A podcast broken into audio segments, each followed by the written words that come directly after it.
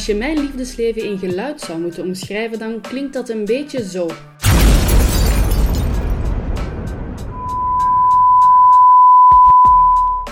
Wat is liefde eigenlijk? Stel deze vraag aan om het even wie en je zal altijd een ander antwoord krijgen. En toch, toch wil ik op zoek gaan naar dat ene gemeenschappelijke element om zo mijn eigen weg te zoeken in liefdesland. In deze podcast praat ik met mensen over liefde en alles wat daarmee te maken heeft. Ik wil het met hen hebben over relaties, maar ook over de idyllische plekken en landmijnen die je op je parcours d'amour kan tegenkomen. Er wordt vaak gezegd dat in tijden van liefde en oorlog alles is toegestaan. Maar waar ligt de grens?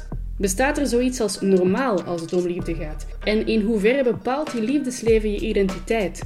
Aan de hand van getuigenissen probeer ik te onderzoeken hoe iedereen op een manier probeert het pad te vinden op de konkelige weg die liefde heet.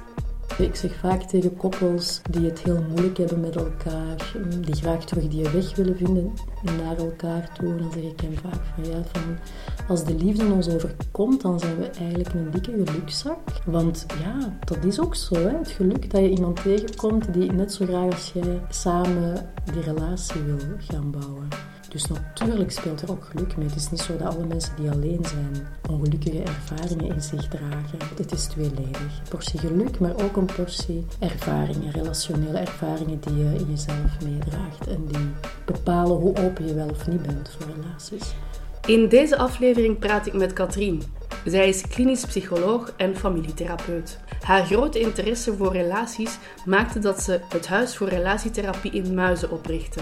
Niemand beter dus om even dieper in te gaan op het thema liefde. Ga met me mee op pad met Katrien langs het parcours d'amour van de liefde zelf.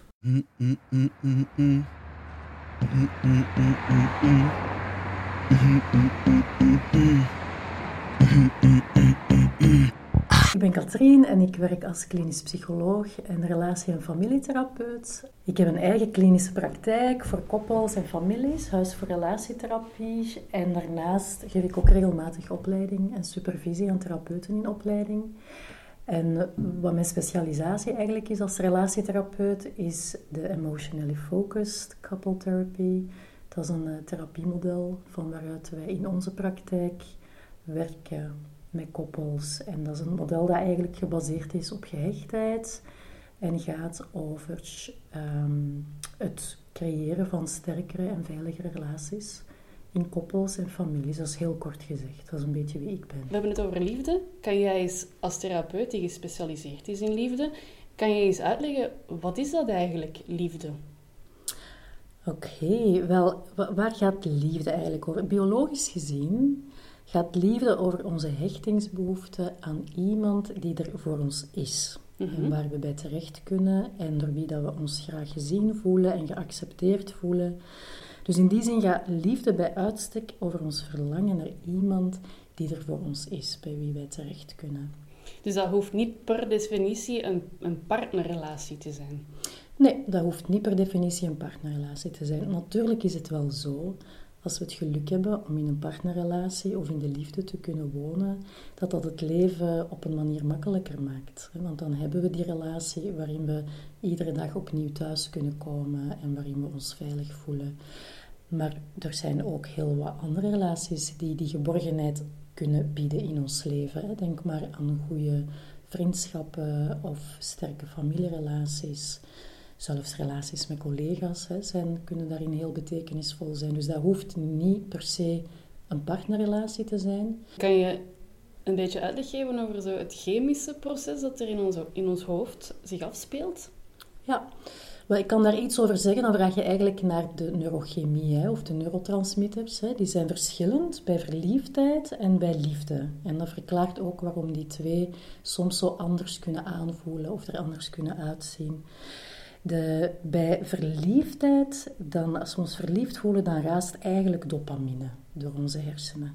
En dopamine zorgt voor dat euforische en intens gelukkige gevoel wanneer dat we verliefd zijn. En iedere keer dat we ons lief zien of ons lief aanraken, dan komt er dopamine vrij in ons lichaam en dan voelen we ons als op een roze wolk. Dat is wat dopamine doet. Dopamine is heel verslavend en we willen eigenlijk er alsmaar meer van om hetzelfde intense, gelukkige gevoel te kunnen ervaren. En ons lichaam kan het aanmaken van zo'n hoog dopaminegehalte natuurlijk wel niet lang volhouden. Dus ongeveer, meestal na een tweetal jaar, dan hebt die verliefdheid weg. En dan spelen er gelukkig nog andere hormonen. En dat is het zogenaamde knuffelhormoon, oxytocine en endorfine.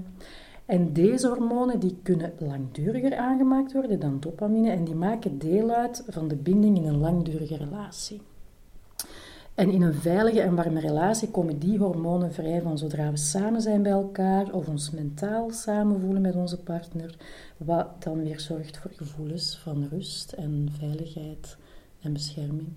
Dus dan, ja, dan evolueren we zo'n beetje van ja, die, die passie hè, waar we allemaal soms wel naar blijven hunkeren, maar die eigenlijk niet realistisch is in een langdurige relatie, meer naar de verbinding met ons maatje, iemand met wie we goed kunnen opschieten en die uh, onze levensgezel, bij wijze van spreken. Je hebt het eigenlijk al een beetje aangehaald, maar er zijn een aantal soorten van graag zien. Hè. Je ziet je kinderen anders graag dan je je partner graag ziet. Is daar een verklaring voor? Wel, in zekere zin gaat liefde in al die verschillende relaties om dezelfde behoefte, basisbehoefte aan verbinding. Dus we hebben allemaal de menselijke en bewuste of onbewuste behoefte aan kunnen voelen dat we erbij horen, dat we welkom zijn, dat we graag gezien worden om wie we zijn, dat we niet perfect hoeven te zijn enzovoort. En vroeger dachten we wel eens dat die behoefte vooral hoorde bij kinderen en gelukkig begrijpen we uh, intussen ja, steeds beter door uitgebreid gehechtheidsonderzoek dat ook wij als volwassenen nog altijd dezelfde behoefte aan veiligheid en verbinding hebben om goed te kunnen functioneren in ons leven en gezond te zijn. Het verschil zit hem vooral in wat ja, wie wat voor elkaar betekent in al die verschillende relaties. Een ouder-kindrelatie is een asymmetrische relatie, waarin de ouder de verantwoordelijkheid draagt om zo goed mogelijk zorg te dragen en een veilige haven te zijn voor de kinderen, zodat kinderen de liefde en de acceptatie kunnen voelen die ze nodig hebben om goed en gezond te kunnen opgroeien. Dus ouders hun liefde komt eigenlijk voort uit de diepe wens of het diepe verlangen om zo die veilige haven te kunnen zijn voor kinderen en om hun kinderen te kunnen beschermen. Dus voor, voor hen klinkt hun liefde eigenlijk een beetje als ik ben er voor jou als je mij nodig hebt. En voor een kind zal die liefde voor de ouder eerder klinken als ik heb het nodig om te kunnen voelen dat ik bij jou terecht kan, dat je mij vertrouwt en dat je blij van mij wordt. En in de relatie met onze partner is er nood aan wederkerigheid. Dat is een symmetrische relatie. Dat is een belangrijk verschil met een ouder-kindrelatie. En daar hopen we eigenlijk als het ware om voor elkaar die veilige haven te kunnen betekenen. Die plek waar dat we bij elkaar kunnen thuiskomen. Dus ik ben er voor jou en jij bent er voor mij. En ook in de relatie met goede vrienden speelt ook wel diezelfde hechtingsbehoefte. Hè? Omdat we ons gezien voelen door hen en ons geaccepteerd voelen. Wat zijn zo de, de issues die eh, jullie vaak in jullie praktijk tegenkomen? Alles wat dat je u eigenlijk kunt bedenken. Maar alles wat eigenlijk deel uitmaakt van het spectrum van menselijke ervaringen. Daar komen koppels mee, gaande van we maken te veel ruzie, dat put ons uit en we willen elkaar tegelijk niet kwijt. Of mijn partner heeft mij bedrogen en het lukt mij niet om het vertrouwen te herstellen. Of we geraken er niet uit of dat we een tweede kind willen of niet. Of we hebben alsmaar meningsverschillen over de opvoeding van de kinderen. Zo, het maakt niet uit met wat ze komen. Maar de vraag die dat al die koppels hebben, met al die, die verschillende inhoudelijke conflicten waarmee ze komen in de praktijk, wat al die koppels met elkaar verbindt, is eigenlijk dat ze een vraag hebben naar meer verbinding met elkaar en minder conflict dat hun relatie eigenlijk vaker een leuke plek is om, door, om samen te zijn en om samen tijd door te brengen dan een plek van conflict en spanning. Dus meestal komen ze, sommigen komen een beetje preventief, dat is eigenlijk wel leuk. Koppels die komen omdat ze eigenlijk al moeilijkheden willen voor zijn. Dat is vaak heel schoon en ontroerend als eh, mensen dat beslissen van wij gaan gewoon zorg dragen voor onze relatie. Want wij willen niet dat wij gaan meemaken wat ze dan vaak wel in hun omgeving hebben, hebben gezien, wat er, wat, wat er wel is gebeurd tussen mensen. Maar meestal komen ze toch omdat de tijd die ze samen doorbrengen in spanning en conflict ja, alsmaar groter of langer lijkt te worden dan de tijd dat ze nog plezier hebben met elkaar. En dat is natuurlijk, ja, dat is niet leuk en dat, dat brengt hen bij ons. Ehm, en wat wij doen is dat we, dat we eigenlijk partners gaan steunen hè, om die band tussen hen veiliger en sterker te maken, zodat ze eigenlijk zelf daardoor weer beter in staat worden om oplossingen te vinden voor de problemen waar ze mee kwamen. Dus vaak zeggen we van ja, wij hebben geen oplossing voor jullie problemen, maar wij kunnen jullie wel helpen door het creëren van nieuwe ervaringen hier in de sessie, om weer beter in gesprek te geraken met elkaar en elkaar weer beter te begrijpen. Ja, en het schone is dat van zodra dat, dat er dan wat komt, dat er wat meer verbinding komt en wat meer veiligheid komt, dat eigenlijk heel veel problemen en inhoudelijke discussies die er waren als vanzelf verminderen of opgelost geraken. En dat blijkt dat vanaf dat er meer vertrouwen is in elkaar, dat veel uh, inhoudelijke meningsverschillen eigenlijk minder onoverkomelijk zijn of zo. En dat ze plots wel beter te bespreken zijn. Is er voor elk probleem dat wordt aangekaart bij jullie een oplossing? Of heb je ook al meegemaakt dat je moet tegen een koppel zeggen van ja, ik denk dat jullie toch beter jullie eigen weg gaan? Um, dat doen wij niet makkelijk, zelden of nooit. En waarom doen we dat niet? Omdat we weten dat als koppels, partners in de problemen zijn geraakt en er dus veel onveiligheid is in de relatie, dat ze van alles gaan doen om zich te beschermen tegen de pijn van dat mogelijke verlies van elkaar. En dat ze in dat ja, zelfbeschermende gedrag ook soms hele harde, lelijke dingen doen of zeggen in de relatie. Die soms klinken als van ik ga mijn valies pakken, of het moet voor mij niet meer, of wat dan ook. Maar ik denk dat wij, als, zeker als EFT-relatietherapeuten, goed verstaan dat dat veruit in de meeste gevallen eigenlijk vooral een signaal is van protest, van onmacht, van hopeloosheid. Dat dat meer gaat over ja, de angst van dat het hen niet meer zou lukken, maar dat dat, dat, dat eigenlijk net is wat ze zo graag willen. Ja, dat het net de, het verlangen is naar elkaar en dat het net is omdat ze zo belangrijk zijn voor elkaar, dat er ook zoveel emoties um, worden, uh, dat, er ook, dat, ja, dat er net zoveel emoties geraakt worden in koppels die, die de weg even niet meer vinden naar elkaar. En wat, wat wij vaak afspreken in het begin, want ik versta wel jouw vraag, hè, en daar zitten vaak andere mensen ook mee, van ja, maar is het soms dan ook niet beter om met elkaar te gaan? Maar daarvan zeggen wij van dat is niet aan ons als relatietherapeut. Hè. Het contract dat jullie met ons hebben, is dat je naar hier komt omdat je meer verbinding wil met elkaar. En wij houden ons aan het contract. Wij gaan iedere keer dat jullie komen, dan gaan wij jullie voeten geloven. Wij gaan geloven dat jullie dus tot hier zijn gewandeld en dat jullie voeten komen vertellen, ik wil hier zijn en ik ben hier weer in relatietherapie. En dat we ja, dus iedere keer opnieuw samen gaan zoeken naar de liefde ook die, die ergens bedolven is geraakt en die misschien moeilijk vindbaar is of heel onzichtbaar lijkt. Maar wij, wij gaan ons aan het contract houden en zolang als zij komen zullen wij samen werken. Totdat natuurlijk een van beide partners heel duidelijk zou aangeven van ik wil niet meer, hè, of we komen niet meer, of we zetten het stop. En dat gebeurt natuurlijk.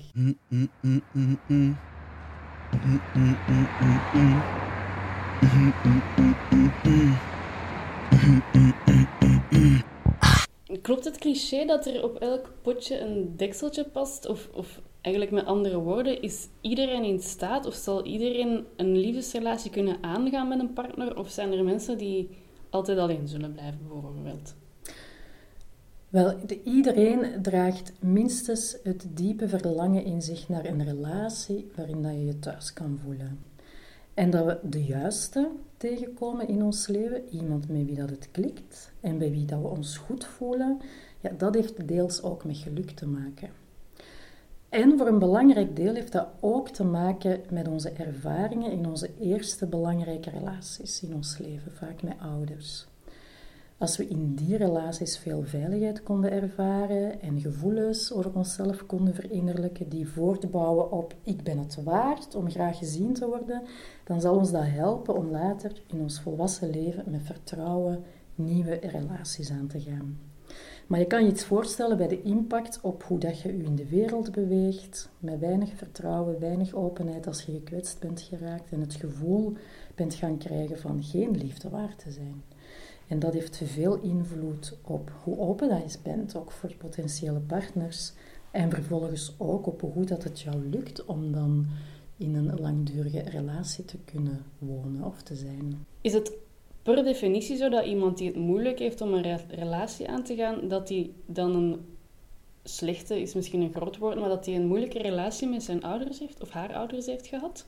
Als je moeilijke relaties kan aangaan, dan, dan wijst dat toch in de richting van dat er iets is gebeurd voor jou in relaties met anderen die je had moeten kunnen vertrouwen, waardoor dat er remmingen zijn ontstaan, hè, waardoor dat je geblokkeerd bent geraakt of zo, of bang bent geworden om je nog kwetsbaar op te stellen. Hè? Want een relatie vormen vraagt kwetsbaarheid. Hè? Dat vraagt je laten zien, jezelf laten kennen. Maar als daar schade op zit, ja, dan gaan we ons verbergen, hè? of ons afsluiten of op afstand blijven uit angst, op, om, oh, ja, uit angst dat er nieuwe afwijzingen zouden kunnen volgen. Of, ja. Bestaat liefde op het eerste gezicht? Liefde op het eerste gezicht bestaat zeker. Dat is die verliefdheid. Dat is pure chemie die plots kan ontstaan tussen mensen. Dus absoluut, dat bestaat zeker. Ehm, en dat is iets wat jou ook meestal dan gewoon overkomt. Hè? Van dat, dat, dat kies je dan niet. En liefde is iets wat moet groeien. Liefde vraagt wel investering en engagement. Dat is, een vaak, dat is iets wat mensen vaak niet goed begrepen hebben, dat een partnerrelatie niet om onvoorwaardelijke liefde gaat. Dat is echt anders dan bij kinderen en ouders.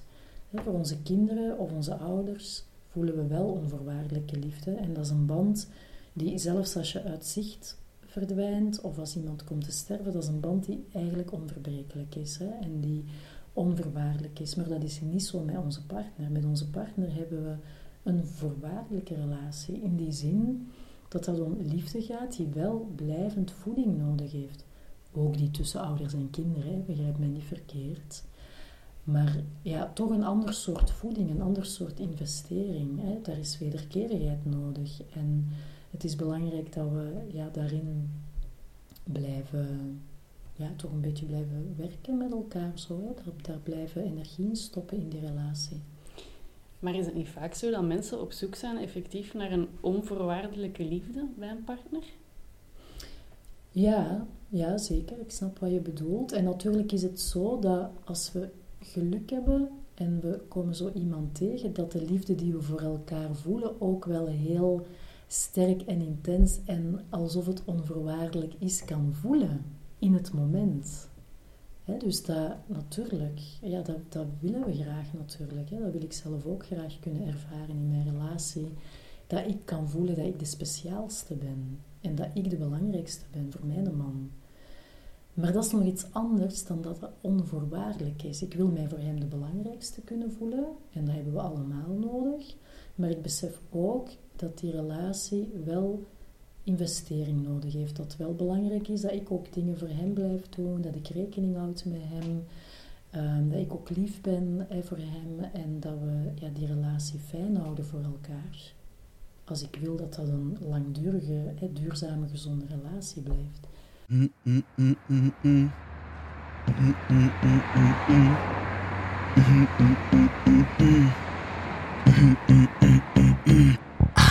Hebben het er al een beetje over gehad. Je hoort steeds vaker over mensen die worstelen met hun gehechtheid, uh, die, die, die moeilijk uh, hechting vinden binnen relaties. Wat is dan net die gehechtheid? Ja, dat is een goede vraag, want dat is zo'n woord dat zich soms moeilijk laat begrijpen. Maar uh, simpel gezegd gaat gehechtheid eigenlijk over de emotionele band tussen mensen en dan voornamelijk de emotionele band in langdurige relaties of in ouder-kindrelaties. En het is eigenlijk die, ja, die emotionele band die dat beantwoordt aan onze universele basisbehoeften, onze hechtingsbehoeften aan dat er iemand is bij wie we terecht kunnen, zodat we ons veilig en geborgen voelen. Dus in die zin hebben we nood aan, uh, aan signalen van degene aan wie dat we ons hechten, aan signalen die ons bevestigen dat we graag gezien worden en dat we de moeite waard zijn om in de liefde te mogen wonen. En als die signalen er te weinig zijn in een relatie, of als er net signalen komen van afwijzing, dan geeft ons dat een onveilig gevoel. Waardoor dat we ons vervolgens gaan beschermen door van alle gedrag te stellen wat niet helpend is en wat relaties of die emotionele band dan in spanning of conflict brengt. Maar dus, ja, de, simpel gezegd gaat gehechtheid over die emotionele band.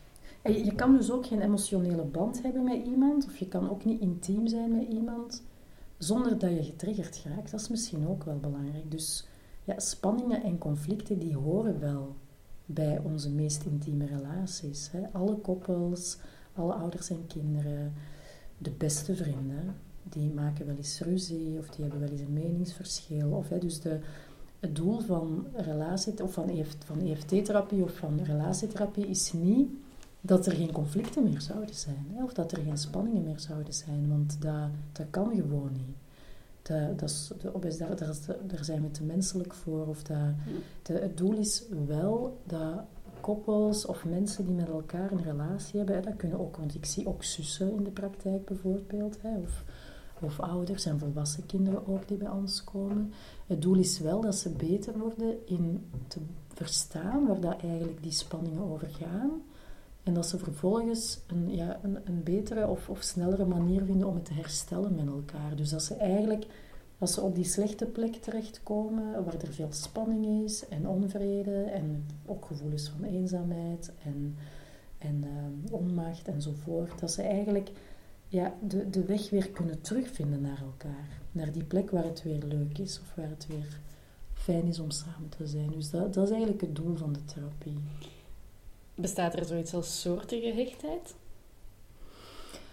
Wel, vroeger um, dan werd gehechtheid als iets nogal deterministisch begrepen. In de tijd dat ik nog mijn opleiding heb gehad, ook veel meer dan twintig jaar geleden, dan, dan werd er nog ja, heel, heel sterk gesproken over gehechtheidscategorieën. En dan was je of veilig gehecht of onveilig gehecht. En ja, als je onveilig gehecht was, had je pech, want dan ging je het er je leven lang mee moeten doen. Dus daar hebben we mensen, denk ik, soms heel ongelukkig mee gemaakt. Um, en intussen, doordat er natuurlijk veel meer begrip is over gehechtheid en veel meer onderzoek is, verstaan we dat gehechtheid iets heel dynamisch is. Iets wat veel complexer in elkaar zit dan dat je mensen zou kunnen opdelen in simpele categorieën of gehechtheidsstijlen. En dat je gehechtheid meer de, eerder moet zien als een optelsom van ervaringen. Met onze moeder en onze vader hebben we twee unieke relaties. Hè. We hebben een relatie met vader en mijn moeder, maar ook met grootouders, met broers en zussen, leeftijdsgenoten, vrienden, later partners. En al die verschillende relaties en al die verschillende ervaringen in al die relaties, die, die, die tikken allemaal mee aan in, in wat dat wij innerlijk ervaren aan veilige of eerder onveilige gehechtheid. Hè. Dus het is eerder, ja, het, is toch, het zit toch complexer in elkaar. En kan het bijvoorbeeld zijn dat je uh, veilig gehecht dan zou zijn, bijvoorbeeld met je ouders of met je vrienden, maar in een partner, met een partner niet? Of omgekeerd dat je met je ouders een onveilige gehechtheid hebt, maar met je partner een veilige gehechtheid? Dus eigenlijk zijn, ja, dat dat per relatie een andere gehechtheid is. Ja, absoluut. Ja, het is dus perfect mogelijk dat je met je vader een onveilige gehechtheid ervaart, hè, omdat daar ja, dingen gebeurd zijn die heel moeilijk zijn geweest. Hè. Een afwezige vader of een vader die dronk of, of, of snel boos was. Of, hè, de, en dat er met moeder een veilige gehechtheid is. Hè, omdat er iemand was die, die, of die wel nabij is en die jou wel begreep en die wel empathie voelde voor, voor jouw noden. En zo. Dus dat is perfect mogelijk. En wat zeker ook, want dat, dat, is misschien goed om nog even te vertellen van wat zo hoopvol is aan gehechtheid, is dat het dus mogelijk is dat we ook nieuwe correctieve ervaringen hebben in ons leven. Dus stel dat we vroeger de pech hebben gehad om ja, toch, toch eerder, ja, of toch meer onveilige ervaringen te hebben gehad in belangrijke relaties, dan wil dat niet zeggen dat dat voor altijd zo moet zijn. Het is perfect mogelijk dat je in relaties, in je volwassen leven, nieuwe ervaringen weer verinnerlijkt die veiliger zijn. Bijvoorbeeld in relatie met een partner of in de relatie met een therapeut of in een relatie met vrienden. Dus dat daar een beetje iets correctiefs komt. En Het, het zal eerder in die richting gaan. In de omgekeerde richting gebeurt het iets minder makkelijk, denk ik. Dat je, wanneer je veilig gehecht bent, ehm, ja, gebonden raakt in een onveilige gehechte partnerrelatie. Dat kan natuurlijk altijd. Hè? En de, de gehechtheid tussen partners is in die zin ook wel situationeel, zeggen we wel eens. Hè? Van, ja, hoe, hoe, ja, hoe de band zit tussen jou en mij, dat is iets van jou en mij. En dat, dat beïnvloeden wij samen en daar zijn wij samen deel van. En wij brengen wel allebei onze ervaringen uit eerdere relaties mee naar de relatie die wij samen hebben. En die gaan er wel veel invloed op hebben, maar tegelijk zal ook deze band weer uniek zijn. Hè?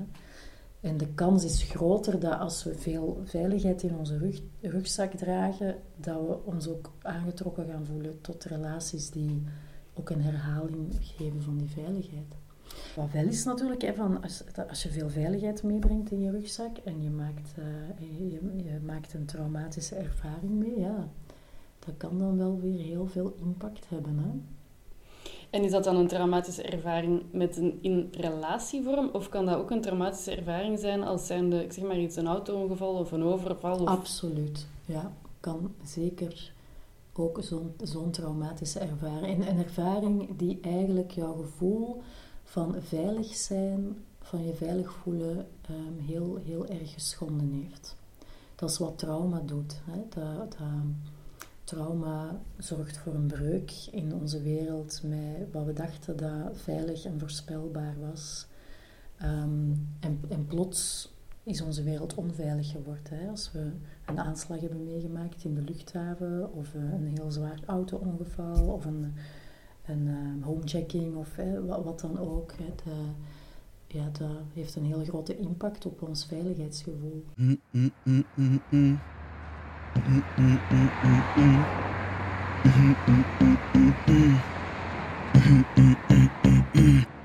we hebben het uh, nu eigenlijk altijd over koppels. Maar ik kan me ook inbeelden dat er uh, single mensen bij, u, bij jullie terechtkomen. Gebeurt dat ook? Dat er mensen alleen naar jullie komen? Ja, we, hebben, we doen ook een aanbod voor individuele therapie. Soms zijn daar zeker ook mensen bij die lijden onder het alleen zijn. Die, die lijden onder eenzaamheid en die worstelen met waarom lukt het niet voor mij? Hoe komt het dat ik maar geen partner tegenkom of dat de relaties die ik al heb gehad iedere keer weer opnieuw naar, op korte tijd aflopen? Dus zeker en vast, ja. ja. Die zien we ook zeker in onze praktijk. Ja, dus relatietherapie of, of jullie, jullie therapie is niet alleen voor koppels? Nee, dat klopt. Dat is eigenlijk een kei goede vraag die je stelt. Want het is wel zo dat EFT-therapie, de Emotionally Focused therapie, oorspronkelijk ontwikkeld is voor koppels. Vele jaren geleden.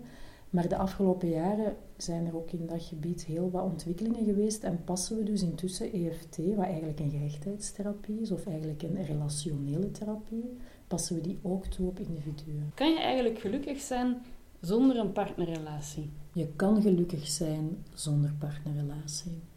Op voorwaarde denk ik dat er dan andere relaties zijn die warm voelen en waar, waar, ja, waar jij ook een beetje in kan thuiskomen. Als er goede vrienden zijn of, uh, ja, of, of familie waar je terecht kan. De, het, het, gaat niet zozeer van. Natuurlijk is een partner fijn, want dan, dan heb je die ene relatie waarin jij de speciaalste bent en waarin je elke dag kan thuiskomen.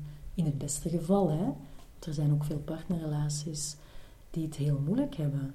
En waar het helemaal niet zo fijn en warm thuiskomen is s'avonds. Dus het is ook niet omdat je een partnerrelatie hebt dat alles alleen maar um, roze geur en maneschijn is. Hè? De, we krijgen allemaal te maken, of je nu alleen bent of in een relatie, met van alle worstelingen die deel zijn van het leven. Hè? Dus daar, daar raakt niemand van ons onderuit. Maar als je mij vraagt, kan je ook gelukkig zijn zonder die partnerrelatie? Dan denk ik ja, natuurlijk. Op voorwaarde dat je ook relaties hebt, dat je dan andere relaties hebt waarin je wel terecht kan en waarin je wel warmte en aandacht kan voelen en waarin je kan thuiskomen. Dat blijft wel, we blijven wel behoefte hebben aan relaties in ons leven. En dat hoeft niet per se, hoeft niet per se een partnerrelatie te zijn. Dat kan ook een andere relatievorm zijn. Dat je hebt ook ja, alsmaar vaker uh, bijvoorbeeld goede vrienden die samen co-housen. En die eigenlijk op een manier samen een huishouden vormen en heel veel voor elkaar betekenen. En die zich daar heel goed en gelukkig bij voelen. Je hebt ook een relatie met jezelf als mens. Kan je daar ook bij wijze van spreken een, een, een onveilige gehechtheid hebben naar jezelf toe? Zeker, ja. De, en en de, manier waarop we onszelf bejegenen en met onszelf verbinding maken is onlosmakelijk verbonden met de ervaringen die we ook hebben gehad in al die andere belangrijke relaties. Eigenlijk op zich is dat logisch. Hè? Als, we, als we tekort gekomen zijn in het voelen van liefde en van warmte en aandacht, ja, dan gaat dat heel erg op ons zelfbeeld zitten hè? en op ons zelfvertrouwen. En dan gaan we ons vaak heel onzeker voelen over ben ik de, ben ik de moeite waard? Ben ik het waard om, om graag gezien te worden, om erbij te horen, om verbinding te voelen? dus de onveilige verbinding ja, gaat samen met heel veel onzekere gevoelens over onszelf.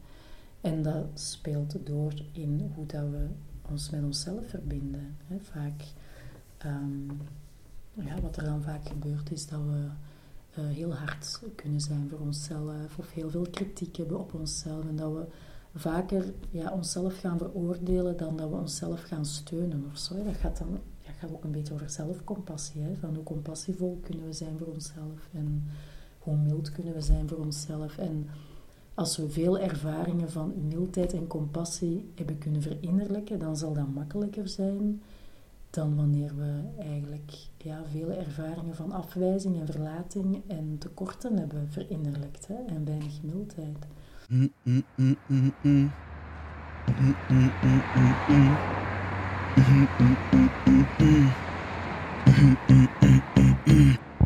Is het nodig om alles met je partner te delen?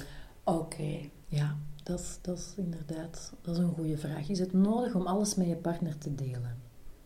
Ja, natuurlijk moet dat niet. Hè? En, en natuurlijk is het zo dat we hopelijk in het beste geval uh, ook nog over andere relaties beschikken waar we wel eens terecht kunnen met ons verhaal en met wat we aan het meemaken zijn of waar we dat delen kunnen voelen. Wat natuurlijk wel zo is, is dat in een relatie, in een partnerrelatie, waar partners beter in staat zijn om elkaar iets te vertellen, hoe dat het met hen gaat en waar ze wel eens bang voor zijn als het op elkaar aankomt of op de relatie aankomt en wat ze eigenlijk nodig hebben van elkaar. En dus dat ze, dat ze als het ware toch wel wat ondertiteling geven voor hun angsten en noden. Ja, dat die relaties uh, overwegend sterker zijn en ook veel beter beschermd tegen de moeilijke tijden en stormen die ieder van ons in een leven wel eens meemaakt. Hè? Van als, we, als we niet veel spreken met elkaar en, en vooral goed zijn in het samen doen, hè? samen een team zijn van ouders en samen plezier maken en op reis gaan en al die dingen gaan goed, maar we delen niet echt over hoe het echt met ons gaat en hoe we ons echt voelen, dat kan heel lang goed werken. Vaak tot het moment dat er iets heel moeilijks gebeurt. Dat is wat onze ervaring is. Van het moment dat er iets moeilijks gebeurt, in de zin van een verlies van, van werk of van gezondheid of van iemand die dierbaar is of wat dan ook. En je hebt, als je op dat punt bent, niet geleerd om met elkaar connectie te maken over wat de dingen met jou doen en wat je nodig hebt en waar je wel eens bang voor bent enzovoort. Hè. Over jouw emoties eigenlijk gaat dat. Hè dan, dan zien we dat koppels wel eens in de problemen kunnen geraken op dat moment. Hè. En dat er plots uh, ja, van alle moeilijkheden en, en spanningen tussen hen ontstaan, omdat ze eigenlijk niet gewoon zijn of niet goed geleerd hebben of nog niet genoeg hebben kunnen ervaren hoe dat je dat dan moet doen om bij elkaar terecht te kunnen. Dat zie je soms ook wel eens gebeuren bij koppels die ouders worden, bijvoorbeeld. Hè, die, die een hele sterke relatie hebben maar die voordat er kinderen waren eigenlijk nooit echt met elkaar gedeeld hebben. En dan komen er kinderen en dan komt er dus ook een grotere uitdaging en meer druk en een grotere behoefte aan afstemming en afspraken maken. En dan zie je dat daar dan ehm, soms koppels in de moeilijkheden geraken. En dat de behoefte aan daar wel beter in worden, of toch minstens bij een van de twee, komt die behoefte dan veel sterker. Wat dan ja, toch de noodzaak vergroot om daar wat in te gaan zoeken naar elkaar. Is er een recept voor een goede relatie? Als er al één advies is dat ik zou kunnen geven voor een goede relatie, dan gaat het om dat delen met elkaar. Probeer in gesprek te zijn af en toe met elkaar over hoe dat met jullie gaat. Geef wat ondertiteling voor als je wat een, een moeilijkere dag hebt of met iets zit, dat je partner weet wat jou bezighoudt. Dat er minder ruimte is voor misverstanden en voor misinterpretaties, hè, die vaak aanleiding zijn tot conflicten en spanningen. Dus de, ja, een, een recept niet echt, maar, maar ik denk dat dat belangrijk is, delen. En ook, hè, wat, wat ook belangrijk is voor een goede relatie, is dat, dat, er, dat er gebaren zijn in de relatie om elkaar te laten weten of het signaal te geven dat jullie belangrijk zijn voor elkaar. Hè, door, door dingen te doen voor elkaar, dingen waarvan je weet dat de ander dat prettig vindt. Hè. Die kleine gebaren, kleine signalen waarmee je op regelmatige basis laat weten van hé, hey, ik ben er hè, en je weet dat ik u graag heb hè, en dat ik bij u ben. Van dat hebben wij eigenlijk nodig. Soms dan hoor ik zo koppels wel eens ruzie maken en zeggen, je weet dat toch, dat ik u graag zie ik heb dat toch al zo vaak gezegd. Hè? Maar, maar dus ja, als dat werkt dus niet zo. Hè? Als mensen hebben wij wel een beetje herhaling nodig. En hebben wij regelmatig opnieuw wat bevestiging nodig van je ziet mij toch nog graag. Hè? Je zijt er toch nog, hè? met je gedachten bij mij. En, en in die kleine gebaren kunnen we dat ook wat blijven voeden. Naast het denk ik af en toe ook wel eens een goed gesprek hebben met elkaar over jullie, over jullie band, over hoe dat met jullie gaat. Heeft iedereen evenveel bevestiging nodig? Nee. En dat is natuurlijk heel vaak een punt van conflict in koppels. Heel vaak ehm, heb je een combinatie van partners waarbij de ene veel bevestiging nodig heeft en veel contact met de ander om zich veilig te voelen en om zich graag gezien te voelen. En ja, heeft de andere dan net minder nodig? Kan die beter op zichzelf zijn en, en begrijpt hij niet altijd goed van waarom, ja, waarom de partner dan zoveel nood heeft aan contact. En dat is vaak wel een punt waarop veel misverstanden dan ontstaan. Hoe belangrijk is seksualiteit binnen een relatie? Zo belangrijk als dat die beantwoordt aan wat beide partners nodig hebben of waar ze zich beide tevreden bij kunnen voelen, denk ik. Het is helemaal niet zo dat er zoiets bestaat als je moet zoveel seks, of je moet seks hebben, of je moet zo vaak seks hebben om een goede relatie te hebben. Dat is echt, dat is een, oude, dat is een oud idee eigenlijk over seksualiteit. Het belangrijkste is dat de seksualiteit die er is, of de manier waarop je daar vorm aan geeft, dat dat voor beide partners goed voelt. Hè? Dat, en dat, het, kan, het kan dus ook zijn dat dat seksualiteit er in onvoldoende mate is voor de ene of de andere. Maar dat wil niet per definitie zeggen dat die relatie dan niet kan werken. Wat, wat, ik merk in, bij, mij in de therapiepraktijk is dat, ehm, dat wat vooral belangrijk is, is dat koppels daar wel contact onthouden met elkaar. Zo, hè? Dat het minder aanwezig zijn van seks voor degene die dat graag meer zou willen, niet gaat voelen als een afwijzing of niet gaat voelen als dat hij in de kou blijft staan of geen liefde voelt, dan, schort er, ja, dan wordt het wel een, een gebied waar, waar spanning rond ontstaat. Maar dat heeft dan weer te maken met onze behoefte aan verbinding. En dan gaan we ruzie maken over de seks, maar eigenlijk maken we ruzie over hoe belangrijk ben ik eigenlijk voor jou. En dan ja, gaan, we, gaan we ook daar weer met koppels over in gesprek. Bestaat er één definitie voor liefde of, of is het toch een begrip dat iedereen een beetje zelf moet invullen, wat dat liefde voor, voor jou betekent. Bestaat er één definitie van liefde? Ik, ik zou zeggen, daar zijn we ook een beetje mee begonnen, hè, van, ik denk, ik zou zeggen, liefde gaat over die ene belangrijke vraag die we onszelf iedere dag opnieuw stellen, namelijk, zijde jij er voor mij? En die, die centrale vraag, zeide jij er voor mij? Die kunnen, we, die kunnen we eigenlijk nog onderverdelen in twee basisvragen, die, die soms voor de ene of voor de andere wat verschillend kan zijn. Voor de ene helft van de mensen klinkt die meer, eerder als: Zie jij mij graag? Ga jij mij steunen als ik het moeilijk heb? En voor de andere groep klinkt die eerder als: kan ik voelen dat ik goed genoeg ben voor u? Kan ik voelen dat ik een goede partner ben voor u? Dat is een nuanceverschil. En kan het een combinatie van de twee zijn? Ja, in de, in, de, in de fond, in de onderstroom gaat het eigenlijk voor ons allemaal, komt het voor ons allemaal neer op zijde jij er voor mij.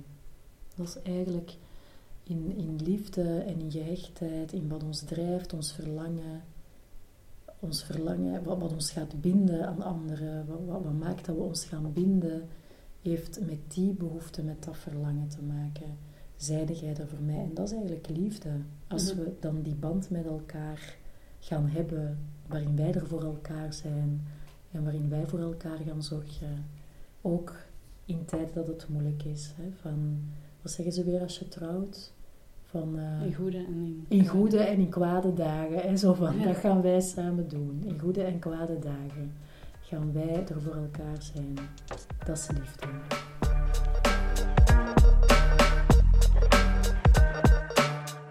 Dit was Parcours d'Amour, een podcast van mezelf, Ans de Bremme. Met speciale dank aan iedereen die openhartig een verhaal deed, de stad Mechelen, Evita Nocent en de collectivisten, Wederik de Bakker en Conventus. De muziek is van Oude Zak.